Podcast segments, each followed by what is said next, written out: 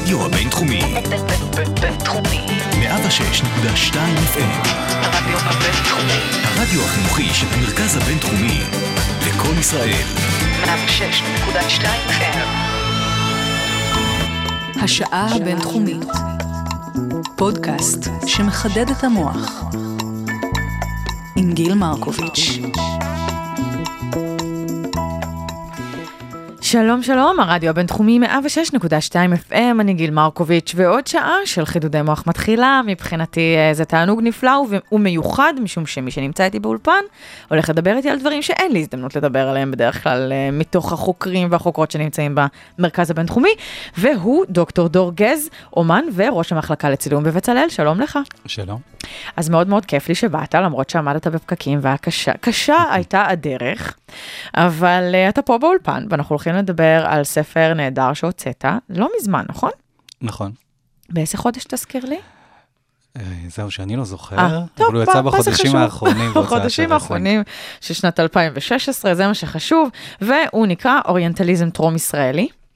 אה, אז אנחנו נדבר עליו, אבל לפני כן אני צריך לעשות פה אה, בכמה דקות הראשונות איזה סדר לגבי הדמות שיושבת כאן באולפן, אני רוצה קצת להבין איך בכלל הגעת לצילום, אה, ואתה גם נראה לי צעיר, אז עוד מעט אני אשאל אותך גם איך הגעת לדוקטורט כל כך מהר, אז אני אשמח אם תספר לי קצת.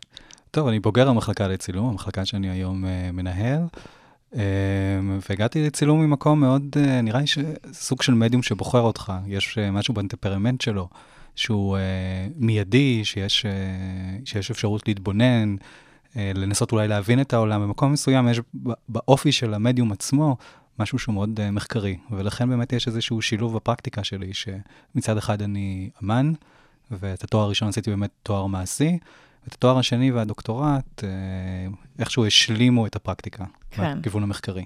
אז ממש, אתה זוכר, איזה שאלה מעצבנת זאת הולכת להיות, אבל אתה זוכר את הפעם הראשונה שבאמת ככה צילמת משהו וממש גילית את חדוות הצילום? אין לי איזשהו מבט אה, רומנטי להציע לך כאן, אני שום דבר. מפוקח בדיוק כמו, ש... כמו שאני בודק בספר את, ה... את ההיסטוריה המקומית. הבנתי. טוב, תשובה טובה. אה, ואז באמת, מה היו שאלות המחקר העיקריות שלך אחר כך בתארים שהם אה, היו באמת יותר מחקר פחות המעשיות של הצילום? זה תמיד התעסק בעצם בהיסטוריה של המקום, זה קשור גם לרקע הביוגרפי שלי. אה, דרך התבוננות בארכיונים אה, מקומיים, כאשר הדוקטורט התמקד אה, בארכיון של מכון לבון, שבו נמצאים רוב התצלומים של אברהם סוסקין, שנחשב לצלם של תל אביב. אז למעשה כל הגישה לתקופה הייתה מתוך מחקר בתוך הארכיון ומתוך התבוננות באותם אה, תל אביבים ראשונים, Hmm, אוקיי, והיום אתה גר בתל אביב, ביפו, כן. ביפו, ולא גדלת שם. אני ירושלמי במקור, כן. כן, זהו, זה קצת מעניין, ההתבוננות שלך על תל אביב, כאילו על העיר העוינת, או על העיר לא, לא, ה... היא לא, לא עוינת בכלל. אה, אני גם מגיע ממשפחה יפואית, מהצד במקור. אה, של אימא שלי, כן. אז אוקיי. אה, זה איזושהי חזרה. טוב, יפה. אבל יפו ותל אביב שתי ערים שונות, הם כן. גם נבנו בצורה של של תמונת מראה אחת של השנייה. אה, זה לא ידעתי. כלומר, תל אביב המאוחרת נבנתה כתמונת מראה ליפו. את יפו זיהו, וזה קשור בדיוק לנושא של הספר, את יפו הציונים בעצם זיהו כעיר אה, מלוכלכת, מטונפת, אה, עם כל הסטריאוטיפים האוריינטליסטיים ביחס למה היא עיר במזרח, שמצד כן. אחד יש בה הרבה סודות, והיא מפתה ומסתורית, ומצד שני היא אה, לא ראויה למגורים של אדם מתורבת, קרי אדם עם אה, קודים אה, מערביים. כן, כן, הלבן הבריא. ה... אנחנו נדבר על זה הרבה, ואתה גם תצטרך להסביר את ההבדל בין אוריינטלי לאוריינטליסטי. אבל לפני שנגיע לשם, אה, אתה גם ייסדת את הארכיון הפלסטיני-נוצרי.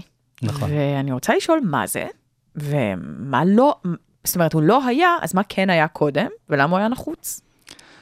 את שואלת בעצם מה המקום של הארכיון. Uh, היום אנחנו רואים הרבה אומנים עכשוויים uh, בכל העולם, uh, בעיקר בצנע של המזרח התיכון, מתעסקים בארכיונים, חוזרים אחורה להסתכל בעצם על, ה- בוא נאמר, אבני היסוד של ממה נבנית תרבות.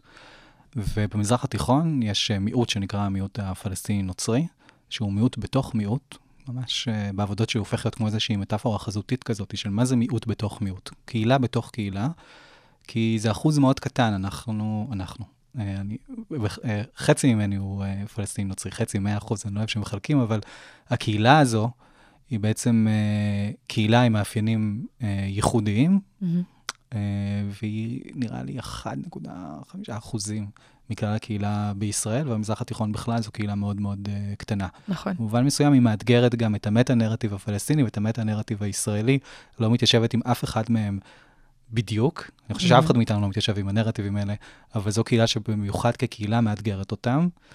אה, ולפני כמה שנים, שבאמת התחלתי לחקור ארכיונים, התחלתי לחשוב למה בעצם אין לקהילה הזאת ארכיון.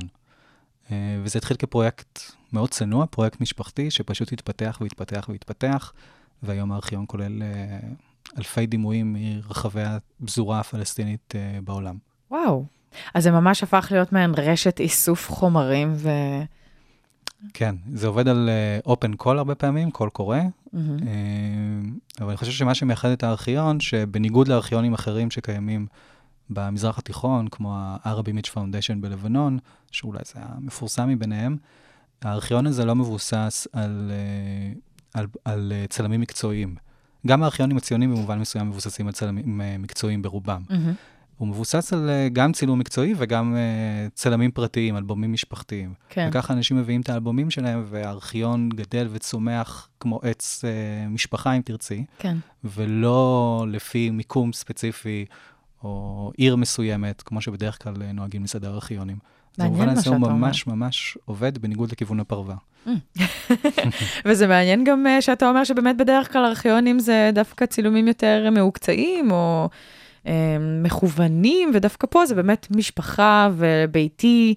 אה, זה נראה לי חשוב לתעד גם את הדברים האלה, זה קצת מוזר שארכיונים אחרים אין להם לפחות אה, מיני מחלקה או תת מחלקה שמתעסקת גם באיך הדברים נראו מהצד של, אה, במרכאות, האדם הסביר מהשורה. אז יש, אבל השאלה מי עומד מאחורי הארכיון. כן. לדוגמה, בארכיונים הציוניים, לפחות בראשית uh, המאה, הציונות, הקרן הקיימת לישראל, גייסו את כל הצלמים הציוניים למען המטרות הציוניות.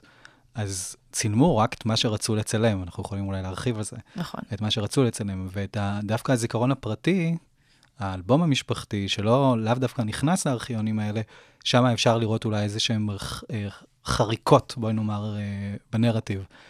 אה, אבל את גם מדברת פה בעצם על האירוע של הצילום. היום הוא נורא מובן מאליו, אנחנו כולנו מצלמים באופן אובססיבי. יומיומי ואובססיבי, כן. אבל אז צילמו רק אירועים אה, רשמיים, וכמובן שלהזמין צלם זה היה גם אירוע וגם עבור קבוצה מאוד ספציפית. לא כל אחד יכל להרשות לעצמו להזמין צלם.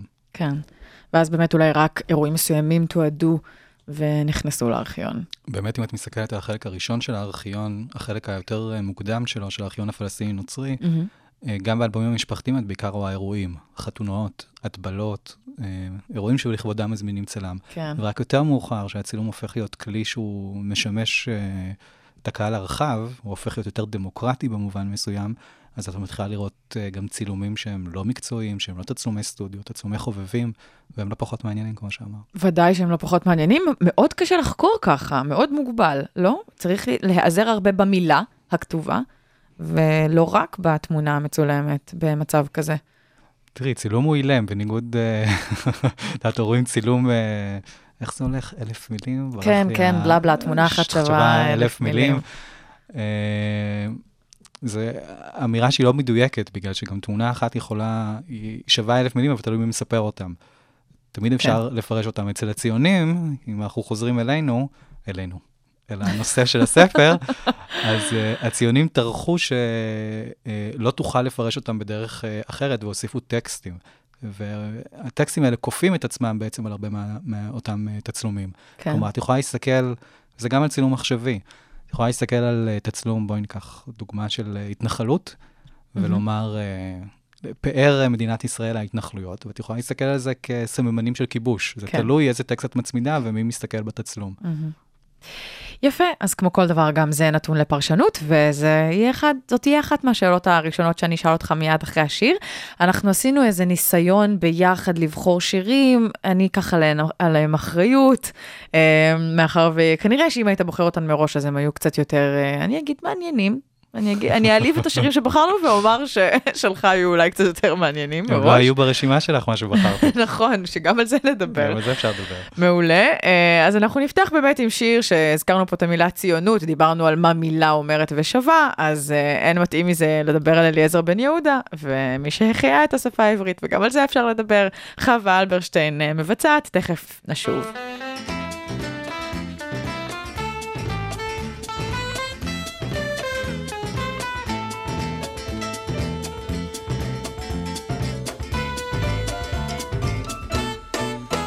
כמו הנביאים הקנאים לשם, הוא קינא לפועל ולתואר ולשם, ובחצות העששית בחלונו, היה רושם במילונו תילי תילים, מילים יפות, מילים עפות, מתגלגלות מן הלשון.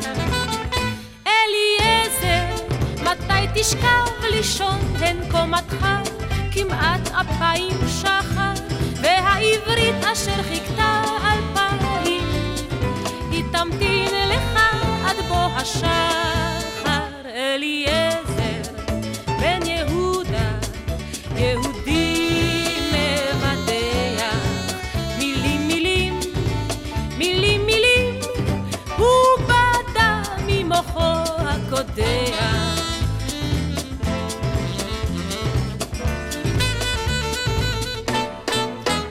נמה העברית אלפיים, נו אז מה הבה נעירנה ונמציא את היוזמה, את המגהץ, את הפצצה, את הריהוט. בקצה נוצה בכתב רהוט, כתב כרובית, כתב גלידה, כתב את כל, את כל מילון בן יהודה. ועוד הוסיף מילים לברוא ונוצתו המהירה לא נחה והשפה גדלה ולא הכירה את מראה דמותה את מראה דמותה בבוא השחר אליעזר בן יהודה יהודי מבדח מילים מילים מילים מילים הוא בדה ממוחו הקודח.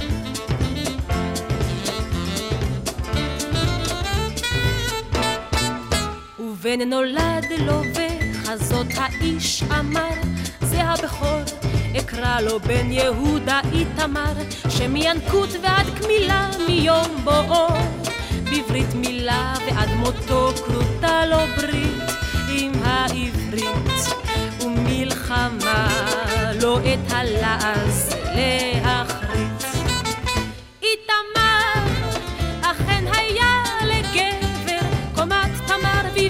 צורה בסבר, והלשון בפיו הייתה שפת עבר.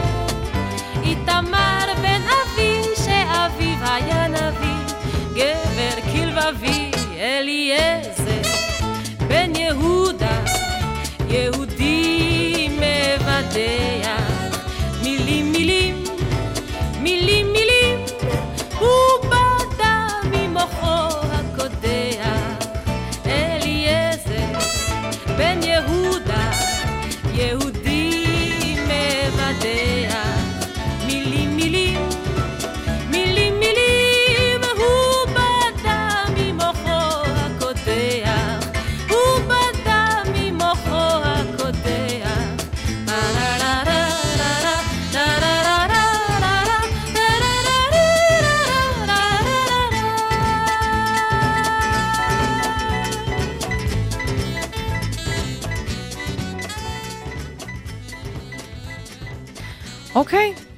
תודה אליעזר, תודה חווה. אה, אנחנו נמשיך בענייננו. אה, אז באמת בתור סטודנטית לתואר שני בפילוסופיה, אה, ומי שבחרה להתמחות בפילוסופיה של האסתטיקה, אחד הדברים שמדברים עליהם, זה באמת מה המעמד של אסתטיקה בעולם, ו... מה, איזה מקום היא תופסת, איך אנחנו חווים אותה, מה, איך היא משפיעה על. חיינו, כן, בקטנה, הכי לא רציני. ואחד הנושאים באמת מת, מתעסק בצילום, והאם הצילום, או מתי קרה שהצילום נתפס כאומנות, מתי הוא נתפס כמדע, מתי בכלל הכנסנו אליו את, את הדבר הזה שנקרא פרשנות, והתחלנו לחוות אותו גם כנקודות מבט ופרספקטיבות, ואני רוצה שתיתן על זה כמה, כמה שיש לך לתת, כדי שבאמת אה, מאזיננו הסבירים יוכלו אה, להבין במה מדובר. טוב, בערך אה, תקפת את אה, כל, כל שנות אה, ההוראה שלי. אה, אני אגיד לך משהו שהוא נראה לי אה, מובן, מובן יותר וקצר. תמיד שואלים אותי מה מלמדים במחלקה לצילום, שזו אחת המחלקות הוותיקות בבצלאל, היא כבר קיימת 40 שנה. אה, וחושבים שאנחנו מלמדים לצלם, שזה נכון, אנחנו מלמדים איך להשתמש במצלמה אנלוגית, מצלמה דיגיטלית, עריכת וידאו, מלמדים את כל הדברים הטכניים שקשורים בזה. אבל uh, יותר מכל, אני חושב שהצוות מלמד uh, להתבונן, שזו משימה הרבה יותר מורכבת. במיוחד כאשר מדובר בצילום, כי אנחנו משתמשים בתצלומים בעצם uh, ככלי מחקרי גם. ככה הוא גם באיזשהו מקום uh, נולד כממזר הצילום. Uh, מצד אחד הוא באמת מתכתב עם המדע, הוא נולד עם מסורת מדעית, משתמשים פה לצרכים uh, מדעיים, ומצד שני הוא כמובן קשור למסורת אסתטית. Uh, ונראה לי שזה המקום שבו הצי... הצילום הוא באמת, uh, אפילו ברמה האינטלקטואלית, הופך להיות המקום, uh, אחד, אחד הדברים, המע... אחד מהמדיומים המעניינים ביותר באומנות, אחד מהתחומים. כי הוא מפרטט, הוא ככה מפרטט עם כולם. הוא מפרטט והוא גם באמת, כולם עושים בו שימוש. Uh, בנוסף, מאחר ויש בו איזשהו טבע מימטי, שאנחנו נוטים לזהות צילום, אפילו היום שאנחנו כאילו אמורים להיות חכמים יותר, אנחנו נוטים לזהות צילום כאיזושהי עדות, עדות מן המציאות. למרות, את יודעת, אפשר לדבר על השיבוש של מהו הפריים ומהו הרגע ומהי העדשה וכו' וכו' וכו', ומה נותר מחוץ לפריים, אבל אנחנו באופן מיידי ואינסטינקטיבי, אם אנחנו רואים את הצילום, זו הוכחה למשהו שהיה. כן. וככה גם uh, עשו בו שימוש להראות, את, לצייר את המציאות. ואם אנחנו חוזרים לאלבומים המשפחתיים שעליהם דיברנו, תחשבי על היחס בין זיכרון לצילום. שאת חווה איזשהו אירוע, נגיד חתונה, בתור נערה או ילדה, שזה Mhm. תמיד אירועים שככה הם בומבסטיים ונחרטים בזיכרון, כן. והחוויה הזאת עם השנים ממירה את עצמה לחוויה המתועדת. כי אנחנו מסתכלים באלבום המשפחתי, וזה איכשהו משתלט לנו על, ה, על החוויה האיש- הזיכרון. בדיוק. אז במובן הזה הוא נורא מתעתע, הוא מצד אחד עדות, אבל עדות מאוד מוגבלת, מאוד ספציפית, תלוית מחבר. אוי, זה היה מסגור נוראי, מה שעכשיו אמרת. קצת, קצת פסימי, לא יודעת. פסימי, כן, אתה שוב, זה שוברת באמת את כל הזיכרון, את כל, אולי אפילו אם הכנסתי בעוד בזיכרון רומנטיזציה, בסדר, ואולי גם אם עשיתי לזה עוד כל מיני אמ, הגדלות או הקטנות, אבל עדיין יש בזה משהו יותר אישי, וכשאני באמת מת, מתמסגרת לתוך המספר צילומים שיש לי, את הצילומים שיש לי מאותו אירוע, זה קצת אה, עצוב. אבל כאן מגיעה החשיבות של הארכיון, שכל אירוע מתועד, אם אפשר לבדוק אותו מכמה כיוונים, גם מהכיוון האישי, אז הארכיון יכול ככה לשרוט את הנרטיבים שמנסים להכיל אותך בהם. כן. אז זה עובד ככה לכל הכיוונים. ואיך מלמדים להתבונן? איך עושים את זה? בואי אלינו לארבע שנים. הזמנה לבצלאל, לעלות. ברגל. טוב, בסדר.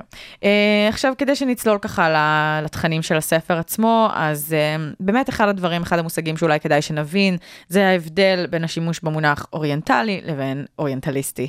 ותסביר לי ונוכל ככה משם להמשיך. אוקיי, אז בעצם אה, אוריינטליזם זה מושג שנטבע מחדש על ידי אדוארד סעיד עם פרסום הספר ב-1978, אוריינטליזם. שסעיד כמובן היה אה, אה, תיאורטיקן, נקרא לו, אה, היסטוריון פלסטיני, למד ספרות השוואתית בקולומביה, בארצות הברית, באוניברסיטת קולומביה הכוונה. הוא גם נולד בירושלים, בשכונת באקה, למשפחה פלסטינית נוצרית, ומאוחר יותר, בגיל מאוד צעיר, בשנת 47, אם אני זוכר נכון, הם עברו למצרים, ומשם הגיע ארצות הברית. נחשב לאחד מדמויות המפתח אולי אה, למיצוב ועיצוב הלאומיות הפלסטינית, והוא טבע את המושג הזה בספר, ובעצם שם הוא מתאר אה, כיצד אה, כל מה שהמערב למד על המזרח, דרך האוניברסיטאות, דרך החוקרים, החל מימים ימימה, דרך אפילו הציירים שהגיעו כן. למה שהוא קורא באוריינטליזם המוקדם, בתקופת הרנסאנס, הכל זה ידע שהוא מוטה, מלשון הטיה.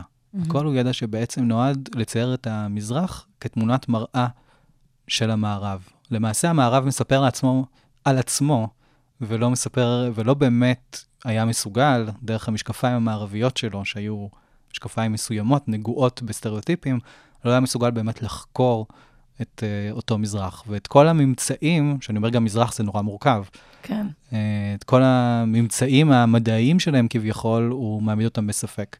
עכשיו, למה אמרתי שהמזרח הוא מורכב? כי מה שאוריינטליזם טרום-ישראלי, הספר עושה, הוא בעצם לוקח את אותה תפיסה של סעיד, שבבסיס כמובן התקבלה אה, על ידי המחקר, על ידי החוקרים, מהמם. אה, אבל הוא מסעף אותה. הוא אומר איפה סעיד, אה, בעצם התפיסה שלו היא, בוא נאמר, אה, כוללנית מדי. והנה, יש כאן מקרה של עם שיש לו זהות שמית, העם היהודי, שמגיע מאירופה, נדבר על הציונים הראשונים, שמרביתם היו מארצות אירופה, ואפילו ממזרח אירופה, ואיך הם בעצם מתבוננים במזרח או בפלסטיני המקומי. אוקיי, אז אם אני שוב מחזירה אותנו ממש למונחים, אוריינטלי, זה סליחה, בעצם כן, באמת צודקת. המאפיינים של המקום, אה, ואוריינטליסטי זה איך אני רואה ומשדרת את המאפיינים של המקום כמעין משהו נגדי או שמתכתב, בסוגריים אני אגיד לא בצורה מחמיאה, אה, עם המקום. שאני אפשט, יאללה. אוריינטליסט, אוריינטלי זה מן המזרח, אוריינטליסטי על המזרח. אה, נהדר. נו, ראית? אחלה, בשביל מה אתה פה? נותן לי לנסות ל- ל- להגדיר דברים. אוקיי, אז having said that, איך זה- אנחנו, כן, לא, זה רק אומר שאם אנחנו כבר שנייה נתעכב על המשפט הזה, זה אומר שלדוגמה, אם אנחנו באמת מדברים על, אה, בספר, אני מדבר על היהודים הראשונים שמגיעים ומאמצים אטריבוטים אה, מן המזרח, כמו למשל לובשים כאפיה, והם לובשים אה, שמלה פלסטינית רקומה, ואביות, ו- ומה לא. אה, אז למעשה הפריטים עצמם, למרות שהם יכולים להיות אוריינטליים, פריטים אותנטיים מן המזרח, אותם הם רכשו, הם עדיין בהקשר הציוני, בתוך הצילומי סטודיו, שהם שמים את זה כתחפושת, או כאנשי השומר שמסתובבים עם זה, כדי להעתיק אותה, להעתיק את המקומי, הם בפרשנות יהיו אוריינטליסטים, למרות שהם במקור אוריינטליים. הבנת? אוקיי. בפרשנות של מי שצופה באנשי השומר, לא, אה, אותים את גם ה... הפרשנות שלהם, גם הפרשנות שלהם, של כמובן. אנשי השומר עצמם. אנשי השומר או התל אביבים שהגיעו והתחפשו בסטודיו, כן?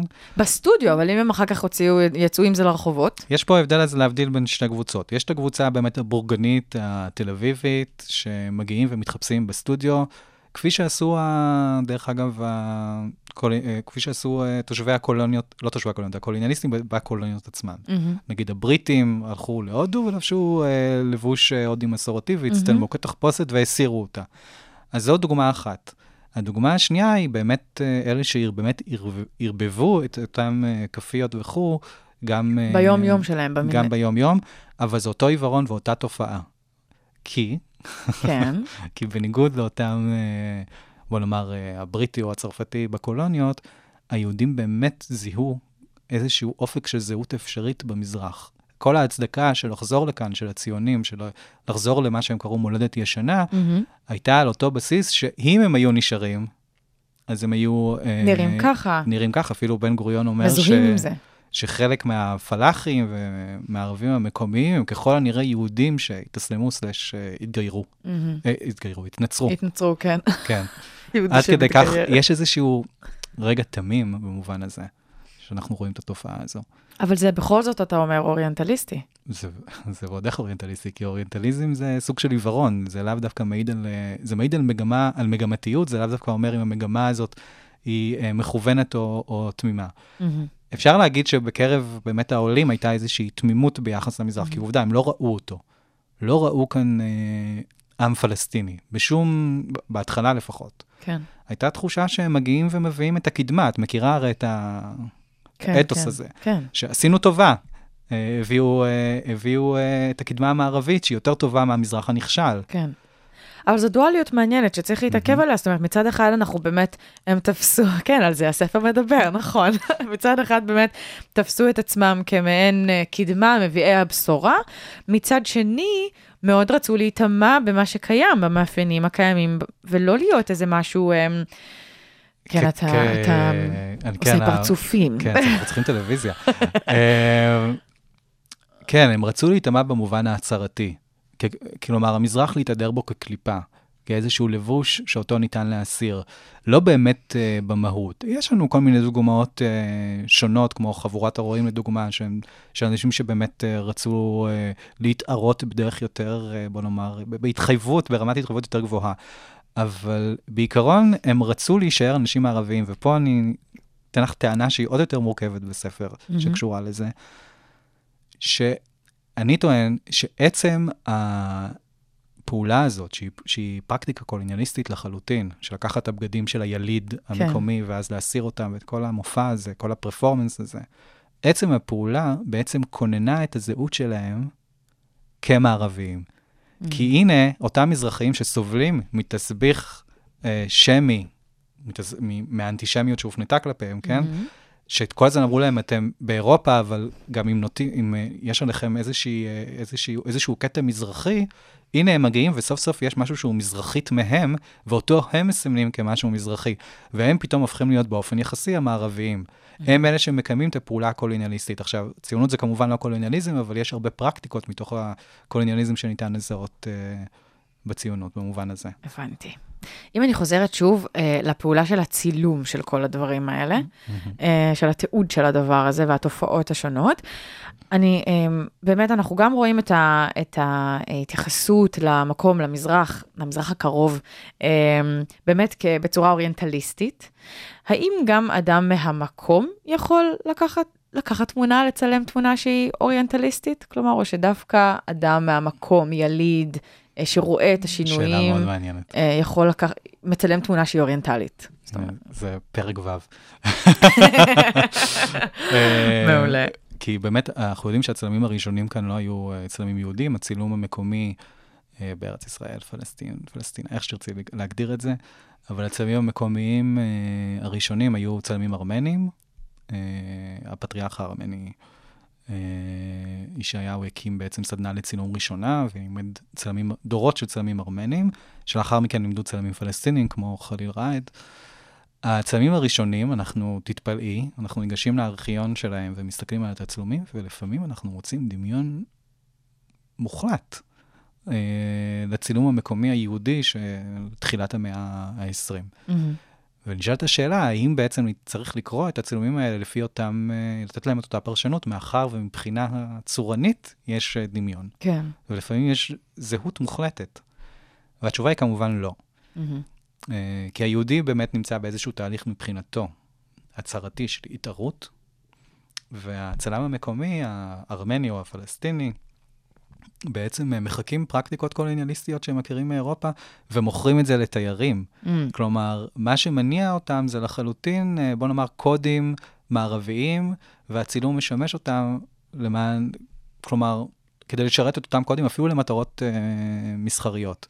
וכאשר אה, אותו צלם מקומי מחקה את איך שהחיקוי אמור להיראות, זה, זה כמובן פרקטיקה שונה מאשר היהודי שמחקה את המקומי. היהודי שמחקה את המקומי לאו דווקא יודע שהציוני עליי להגיד, כי היו גם יהודים מקומיים. אה, אנשי היישוב הישן, אבל הציונים שמגיעים לכאן, הם לאו דווקא יודעים לזהות איפה החריגות בהתחפשות. כלומר, מתי ההתחפשות היא, הם יודעים שזה מופע מן הסתם, כי הם שמים כן. את זה, אבל איזה, איזה שימוש בדיוק הם עושים בצמידי הזהב, בכפיות וכו'. Uh, המקומי יודע להגיד, תראה איך התייר האירופי הזה, שהוא מגיע לכאן, איך הוא מתחפש, ואז הם עושים את אותה פעולה. ואז את יכולה להגיד, יש איזה שתי פרשנויות. או שזה בעצם מחזק את הזהות שלהם, כי יש פה איזשהו סוג של הרחקה, זלזול, הומור עצמי. אוקיי. ככה אנחנו נראים בעיני אחרים ועכשיו נתחפש לכך. או שאת יכולה לקחת את זה לכיוון השני, שזה בעצם אה, אה, אז מחליש את הזהות שלהם המקומית, כי הם אולי רוצים להידמות לאותם אירופאים שמגיעים לכאן ומתחפשים. זה נמצא על איזושהי צומת כזו. זהו, אני ממש, אני ממש חשבתי שאולי, טוב, אני מנסה להיכנס לראש של פלסטיני ב, בתחילת המאה ה-20, זה קצת אה, בעיה בפני עצמה, אבל אני אומרת לעצמי, מה, זה דווקא ממש מחמיא, כאילו, למה שיראו את זה כלעג? מצד שני, עם, עם ההתפתחות ההיסטורית אחר כך, הכרונולוגית שמגיעה אחר כך, אז כמובן שאני יכולה להבין את הפרשנות שבדיעבד, ללמה זה לעג. אבל uh, בזמנו, בזמן אמת, אם אני פלסטינית ורואה שאנשים מנסים ככה להתחקות אחרי המאפיינים שלי, והצבר שהיה מאפיין פלסטיני מובהק, שהפך ל...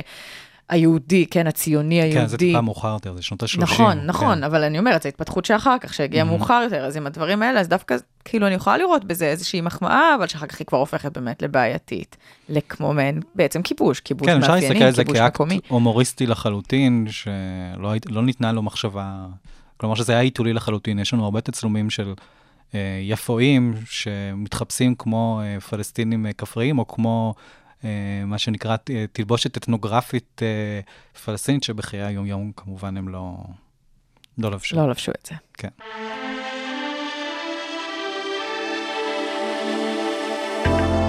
הרדיו הבינתחומי, בינתחומי. 106.2 FM, הרדיו בבינתחומי.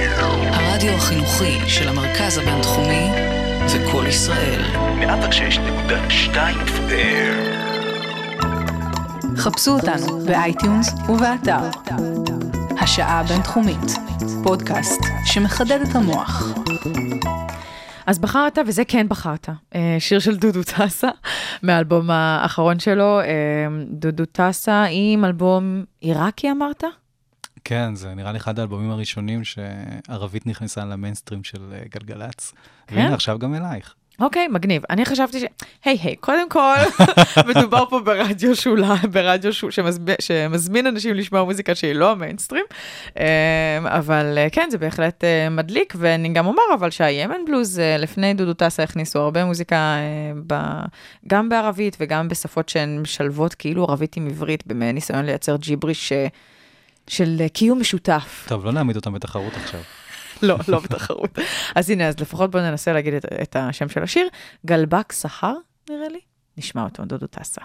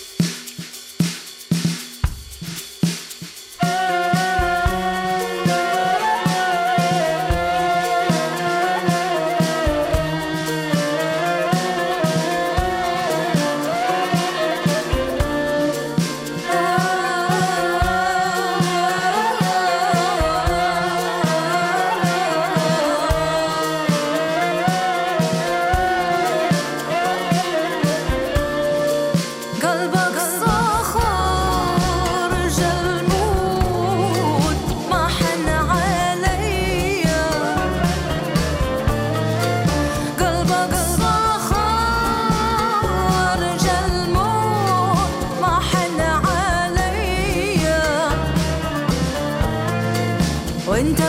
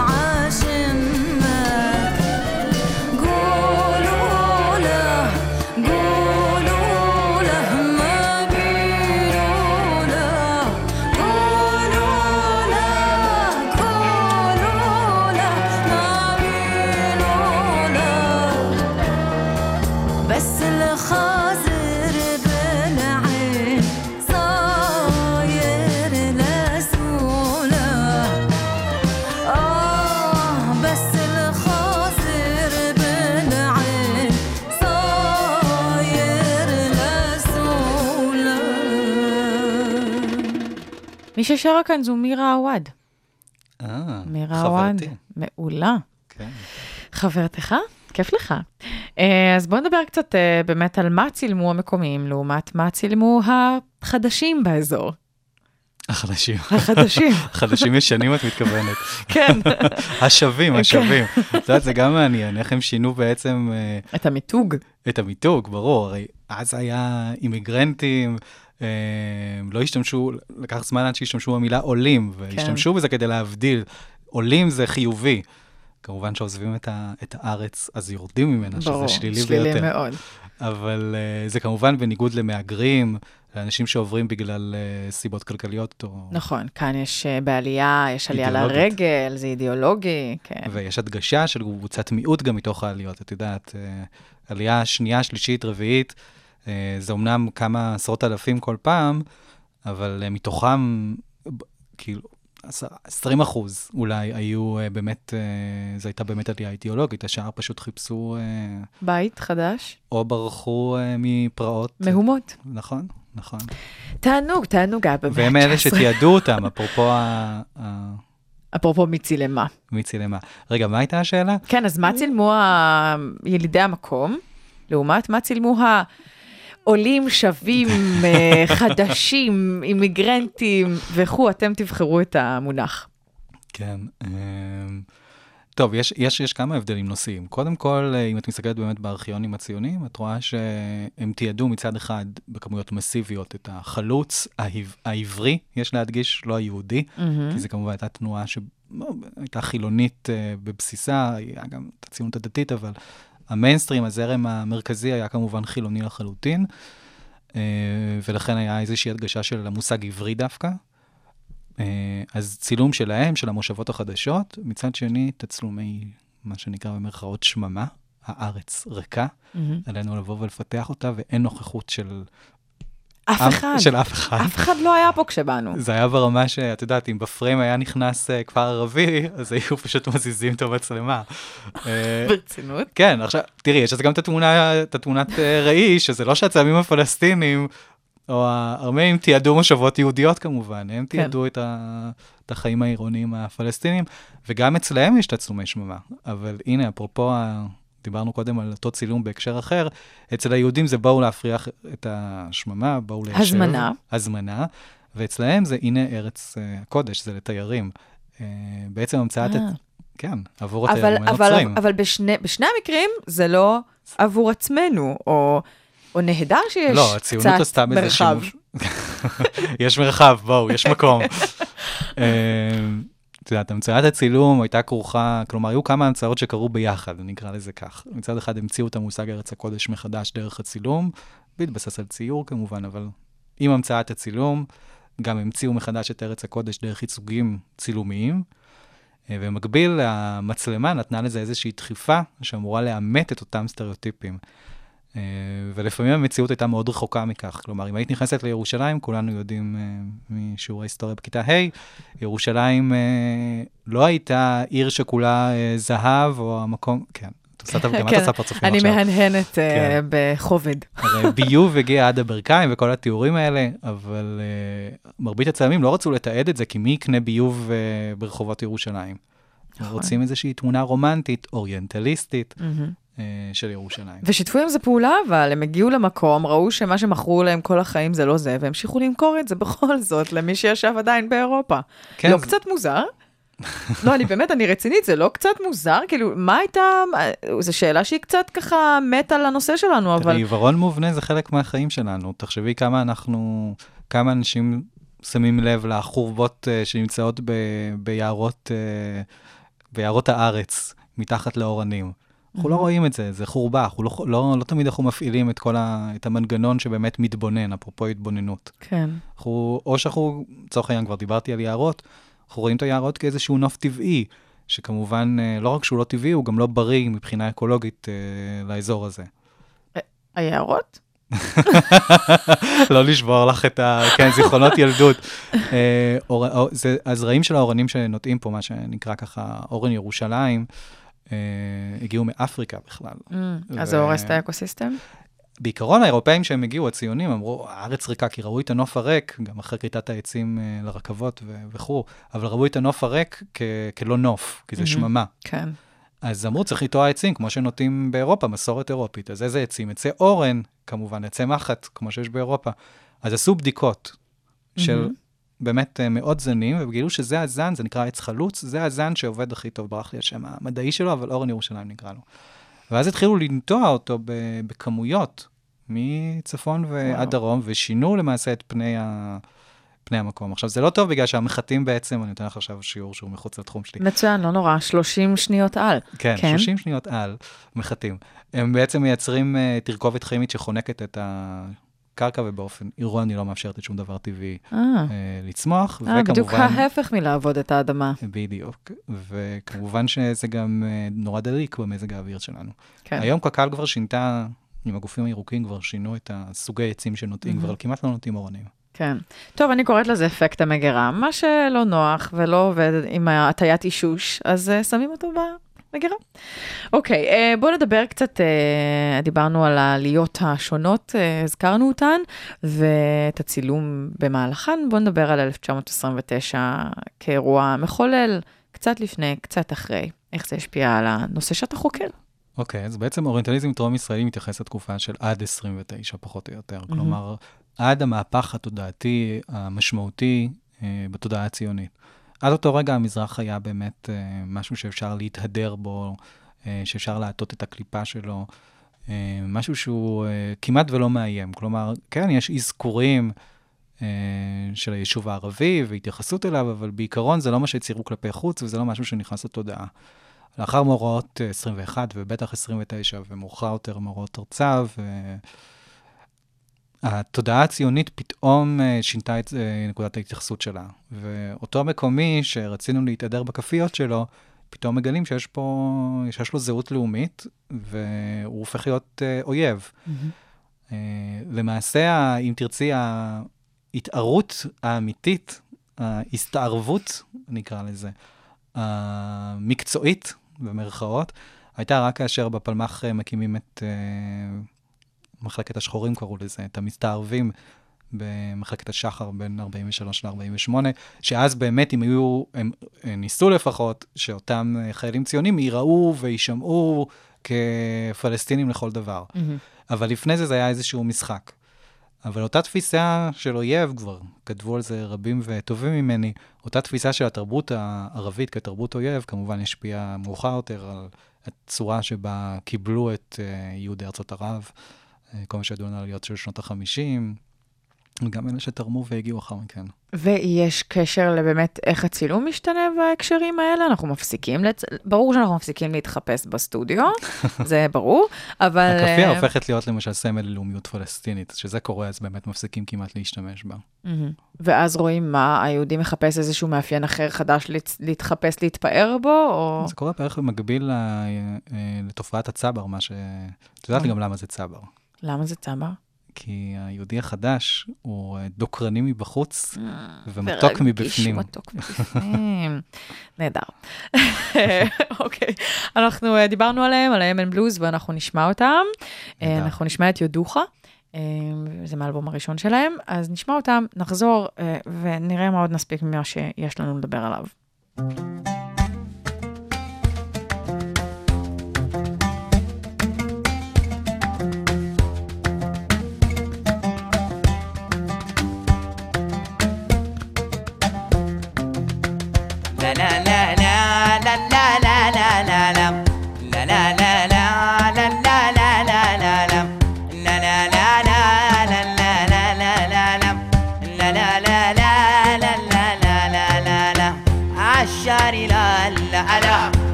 على عشان لا يا أمي عمي بيبارخوا كل عمي يدوخا كل عمي بيبارخوا كل عمي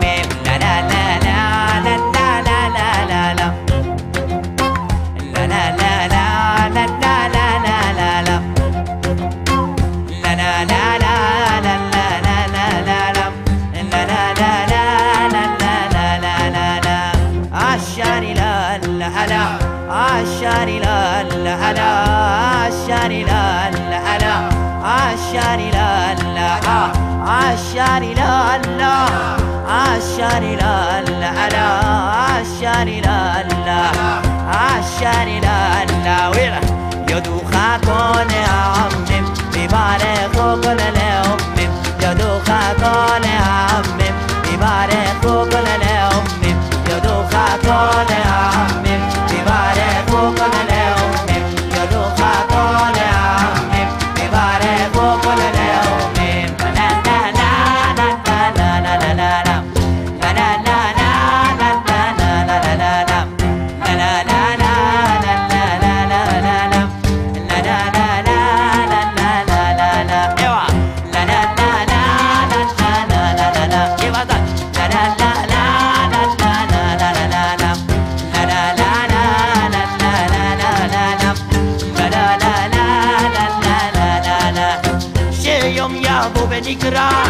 مشامخها كلها عميمة. الشي الشهيوم يابو بنكرة بصفاح مرورة شيني باريخ أنت تبخا بكل صافة كولا. شيني باريخ أنت تبخا بكل صافة كولا. أيوه. لا لا لا.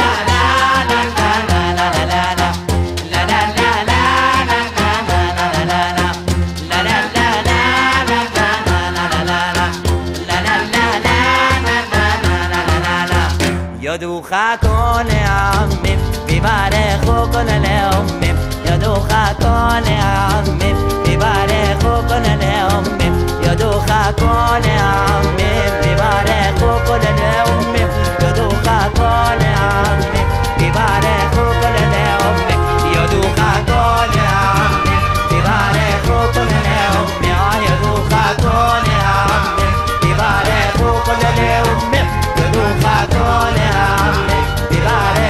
coming down on remember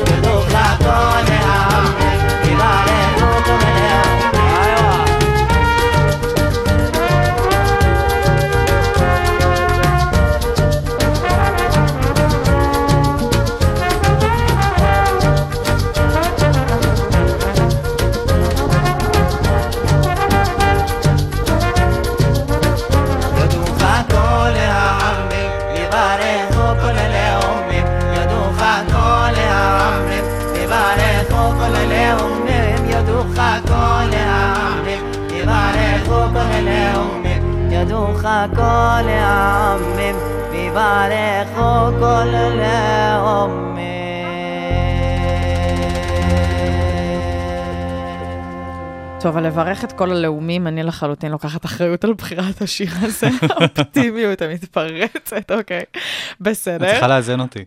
כן, כן, בדיוק. Uh, טוב, תראה, נשאר לנו, uh, נשארו לנו כמה דקות, ואתה הזכרת ייצוג נשים, ואני כפמיניסטית uh, מובהקת לא יכולה לסרב לדבר על הנושא, אז אנחנו פשוט נדבר על ייצוגי נשים uh, באמת בצילום, מן הסתם. Uh, אז תספר לי קצת באמת uh, איך זה בא לידי ביטוי, טוב, זה תלוי איזה נשים. כלומר, יש נשים, מן הסתם. תלוי איזה גברים, איזה נשים. כן. אה, לא, אבל הכוונה היא ל- לייצוג. אה, אנחנו יכולים לראות באמת אה, שבתפיסה של צלמים ציונים, אחד של צלמים באותה תקופה, אה, נשים, יש לנו, אה, בהתאם לסטריאוטיפ המזרחי, האוריינטליסטי, יש לנו אה, שתי קצוות. מצד אחד אנחנו נראה באמת ייצוגים של נשים אה, חסודות, אפילו אה, נזירות, אנחנו רואים את זה גם בציור. מהמם. אה, של גוטמן ודומיו באותה, באותה תקופה שגם פעל אה, סוסקין, זה, כולם היו חברים מאותה קליקה, גם גרו ביחד בתל אביב, אה. כמובן. כן, כן. האליטה של אז, זה לא נשאר כלום. ומנגד, לאותו סטריאוטיפ חסוד נקרא לו, יש את ה... מה? אמ, אמ, פתיחות, אה, פריצות את רוצה פריצות, לומר. פריצות, כן. כן, את הרקדניות הבטן לדוגמה, שאת יודעת, גם זה סטריאוטיפ אוריינטליסטי, כי רקדניות בטן במקור אה, היו לבושות לחלוטין. האמת היא, זה סיפור מעניין, כי רקדניות בטן היו לבושות לחלוטין, הגיעו ה- ה- האירופאים לארצות ערב, אה, עם הסטריאוטיפ של מה זה אותן אה, נשות אה, אר- ארמון שהם ראו כאילו... תשוקה, מסתורין, שעל זה באמת הזכרת את זה בהתחלה. נכון, ואז כדי, בדומה לצילום, כדי, בוא נאמר, לגשר, להתאים? להתאים את עצמם לקהל, אז הם, הם התחילו להתפשט. אוי, ברצינות? אבל במקור תחשבי זה, בתרבות מוסלמית, אישה ערומה, הרי זה לא ערומה, כמעט ערומה. זה לא, לא היו מראים את הבטן, זה לא משהו שהוא... אה, מה? אז זה לא עשה מהפכות בתרבות? הנה, עובדה, אז שאימצו את זה, אז זה עשה מהפכה. כן. אז מצד אחד אנחנו רואים את הצילומים של שתי הקצוות האלה, בכלל ייצוגים אה, בכל תחומי האומנות, ומצד שני יש את הנשים היהודיות, או יותר נכון, העבריות. מהמם. ואותן נשים עבריות, הם אה, כמובן מצד אחד רוצים להציג אותן כשוות, אז הן חלוצות, רואים אותן בשדה, עובדות, לכאורה שוויון מגדרי. מצד שני זה הכי לא קרה מצד ש- בפועל. זה הכי לא קרה בפועל, וגם היה להם תפקיד שלא היה לגבר, וזה אותה רחם לאומית, שה... את עושה פרצופים איזה מונח מגעיל, סליחה. כן, זה... מונח מגעיל. אבל לכך, לא מונח אה, טוב. נעצור, שנינו נעצור, אבל uh, באמת איזושהי התייחסות לגוף של האישה, uh, זה דרך אגב, זה קיים עד היום בחברה הישראלית. הרי לא מקובל שנשים לא מביאות אה, ילדים, בניגוד להרבה מקומות אחרים אה, נכון. בעולם. נכון. ישר אה, תוהים. מה- מה לא בסדר איתה? מה, מה לא בסדר איתך, כן, כן. או שמרחמים, או ש... שזה פשוט זוועה. הרי זה לא בחירה. כן. אי- אין להניח שזו בחירה, לא. כמובן. אז uh, אנחנו רואים uh, שבאמת uh, אותן uh, uh, נשים עבריות כמובן לעולם לא ייראו uh, חשופות uh, חזה או משהו מהסגנון הזה שראינו בצלמים uh, אוריינטליסטיים, מהמם. Uh, אצל צלמים uh, זרים. Uh, מצד שני באמת חלוצות בשדה. אני רק רוצה להבהיר שגם אותן נשים שאנחנו רואים מצולמות כרקדניות בטן או חשופות חזה, שהן מן המזרח או מאסיה, אפריקה, גם הנשים האלה לא מייצגות את נשות המזרח כמובן. זה לא שבתרבויות האלה נשים הסתובבו חשופות חזה וזה היה, כן. אלא היו נשים ששילמו להם עבור התצלומים, או מה שבאמת החברה האירופאית באה איתו במגע, שהרבה פעמים אלה היו בעצם זונות. כן. כי למעשה, עם, עם מי אותם סוחרים שהגיעו, מי הם הגיעו במגע בערי החוף? מהמם. זה לא שהם נכנסו לבתים לדבר עם אנשים שהיו בבית כמובן ולא עבדו. ולא, כן, ולא לא היו יצאו. נגישות בחוץ. ברור, ברור. אז כאן זה שוב איזשהו ייצוג נורא זה נורא... בלאגן.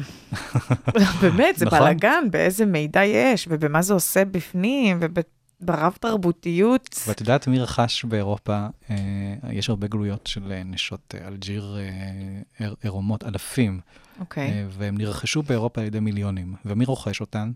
אמ, אני לא יודעת. לא האירופי הממוצע? את היית חושבת שאולי הגבר האירופי הממוצע, נכון, אבל בעיקר נשים אירופאיות. נשים? כן, דווקא נשים. באיזה קטע? מושא, הערצה, מודל לחיקוי? מודל לפנטזיה. מודל לפנטזיה. תחשבי, תחילת המאה ה-20, מתחיל ככה אה, ניצנים, אולי זה יותר מחצית מאה ה-20, אבל לפחות שנות ה-20, שנות ה-30, נשים מתחילות לעשן בפומבי, יש איזושהי מהפכה, אה, לא מהפכה, אבל ניצנים, מהמם. אה, ואז במקביל גם הפנטזיה המינית, שזה משהו שכמובן אה, לא היה מנת חלקן של נשים, נשים לא הלכו לזונות כמו שגברים הלכו לזונות, כן. והמוסר הכפול כאן ידוע לכולם, אבל לרכוש גלויה לעומת זו, של אישה ערומה, מעניין. נכון, אז זה. ניתן לעשות. וזה צעד שהוא ככה קטן, ובכל זאת מבטא באמת את התשוקה ואת הפנטזיה. של אה, איזו, כן, של כן. סוג של אני אחר מדומיין. מ, מעניין. ממש מעניין. מצד שני, זה גם בעייתי. ברור, כל ההתעסקות כאן בסטריאוטיפים. בעולמי זה כאילו המד- המדוכא מדכא, מדכא אחר, מדוכא אחר. כלומר, אה, כן, אבל שוב, מאוד. והשמי מזהה מישהו. שהוא מזרחי ממנו כדי להגשים את הזהות שלו כמערבי. נכון, נכון. נכון. אה, באמת אה, אמרת לי להזכיר לך לדבר על צילומים לפני ואחרי, זה, עשינו את זה כבר? עשינו את זה? צילומי לפני ואחרי. זה בעיקר, זה, שני- זה מושג שמתייחס בעיקר אה, לצילום, הצילומי הלפני זה, כלומר, אותו יהודי שמגיע לסטודיו, בוא נאמר, באמת, דיברנו כבר על סוסקן, שמגיע ולובש את מיטב החליפות שלו, ואנשים לובשות את, אה, מסתרקות ולובשות את מיטב השמלות, עם. המלמלה והכול. והתכשיטים, ומצטלמות כמערביות, כפי שהם נהגו, דרך אגב, להצטלם באירופה, ושם זה לבוש, אה, כאן מדובר בלבוש פרטי. לעומת הלבוש של אחרי, או של, אולי נקרא לזה תוך כדי, מהמם. של ההתערות, ששם לפעמים הצלם, מרבית המקרים, הצלם, במיוחד אם מדובר בעירוניים, נותן להם ממחסן התחפושות שלו כן. את, uh, את השמלה הפלסטינית ואת הגלביה והבעיה וכו' וכו' וכו', והם משחקים איתם. אה, במובן מסוים, הצילומי לפני ואחרי, שלפעמים מצלמים אותם על אותה פלטת זכוכית, פעם אחת חושפים את הצד המערבי, ופעם אחת, אם תדמייני, יש את אותו זוג, או את אותה אישה, אותו גבר, בלבוש מערבי לגמרי. לחלוטין. אותו היבריד מוזר כזה, זה בעצם אה, אותו רגע מכונן של האוריינטליזם טרום-ישראלי, אותו רגע מעניין שבו כן. מה שהיום ישראלים רבים יזהו כאויב, היה מושא לתשוקה. טוב, אה, לא דיברנו על עוד מלא דברים שיכולנו לדבר עליהם, אה, אבל אה, אני נאלצת אה, לסיים. נגמר מהר. ואנחנו, כן, אני לא יודעת איך זה קרה, אתה יכול לבוא שוב, אתה ממש מוזמן. מאחר ואני חשבתי שאתה בא מירושלים ואתה בא מתל אביב או מיפו, אז uh, אתה יכול לבוא שוב בקרוב. בשמחה. Um, אז אנחנו uh, באמת נסיים, ואני שוב אמליץ uh, על אוריינטליזם טרום-ישראלי, על הספר שאני קראתי לכבוד התוכנית, והוא מעניין מאוד. Uh, אני um, רוצה להזכיר גם שאתה דוקטור דור גז, אומן וראש המחלקה לצילום בבצלאל. בכלל לא נגענו בזה שאתה אומן, וזה דווקא מעניין אותי מה אתה מצלם. פעם הבאה. אוף, טוב. אבל uh, מה אתה מצלם היום? אין לך איזה משהו ספציפי שאתה היום עובד אני עליו? עובד על, אה, על אה, עבודות חדשות שקשורות, שציימתי בארמניה. אה, וואו. מוז- מוזיאון האסלאם בדצמבר. אה, זה יהיה במוזיאון האסלאם? בדצמבר. כן. אה, מעולה, ממש מגניב. אז uh, הנה שלחנו את המאזינים גם לעשות קצת תרבות בלראות מוזיאונים. אנחנו נסיים עם סיסטמלי, עם שיר שנקרא עלי בלי. כן, ככה קוראים לו. אני גיל מרקוביץ', אתם על השעה הבינתחומית, מאב 6.2 FM הרדיו הבינתחומי. שוב תודה, תודה לך, דוקטור דורגז, והנה סיסטמלי, מסיימים. להתראות.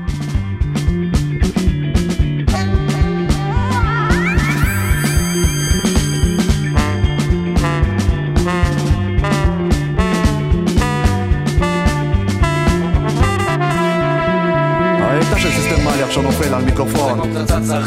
צונאמי שיטפון הדילפון הפסדו ניצחון אני אמשיך לשיר. אה. את אין שכני מאלה למלחמה של הלשון. כלמנה לרוח עתיד יש אשתית בלקסיקון. על הכל בית הדמר כי נבנה לכם המון במקום הרעש הישן המגויס בלי דמיון. הבאנו את הבשורה מהג'מא ועד חברון כי באנו להפיל את החומה ומשיבון. הלב לכתובות שוב אנחנו אה. נכתובל כמוהו למוזיקה למנגנון הקרימינלי. עשרה אחים מאחורה זה קרנבל ברוטלי. בנינו את הבית לבד כי אין ברירה לי. מה שלא הצעת לא יישמע מה ישראל ריאלי. סיסטום מלא Какие проблемы не встречали Каждый божий день мы с этим выступали Вы такого не видали, не слыхали йо. То, что у нас здесь на душе, мы все давно зачитали Свой базар мы отвечаем, никого не А никогда не путаем движение Знаем себе цену, проценту уважения Наше достижение системалием наркотик Лучше, чем кокаин, блин Мы дарим людям экстрим, адреналин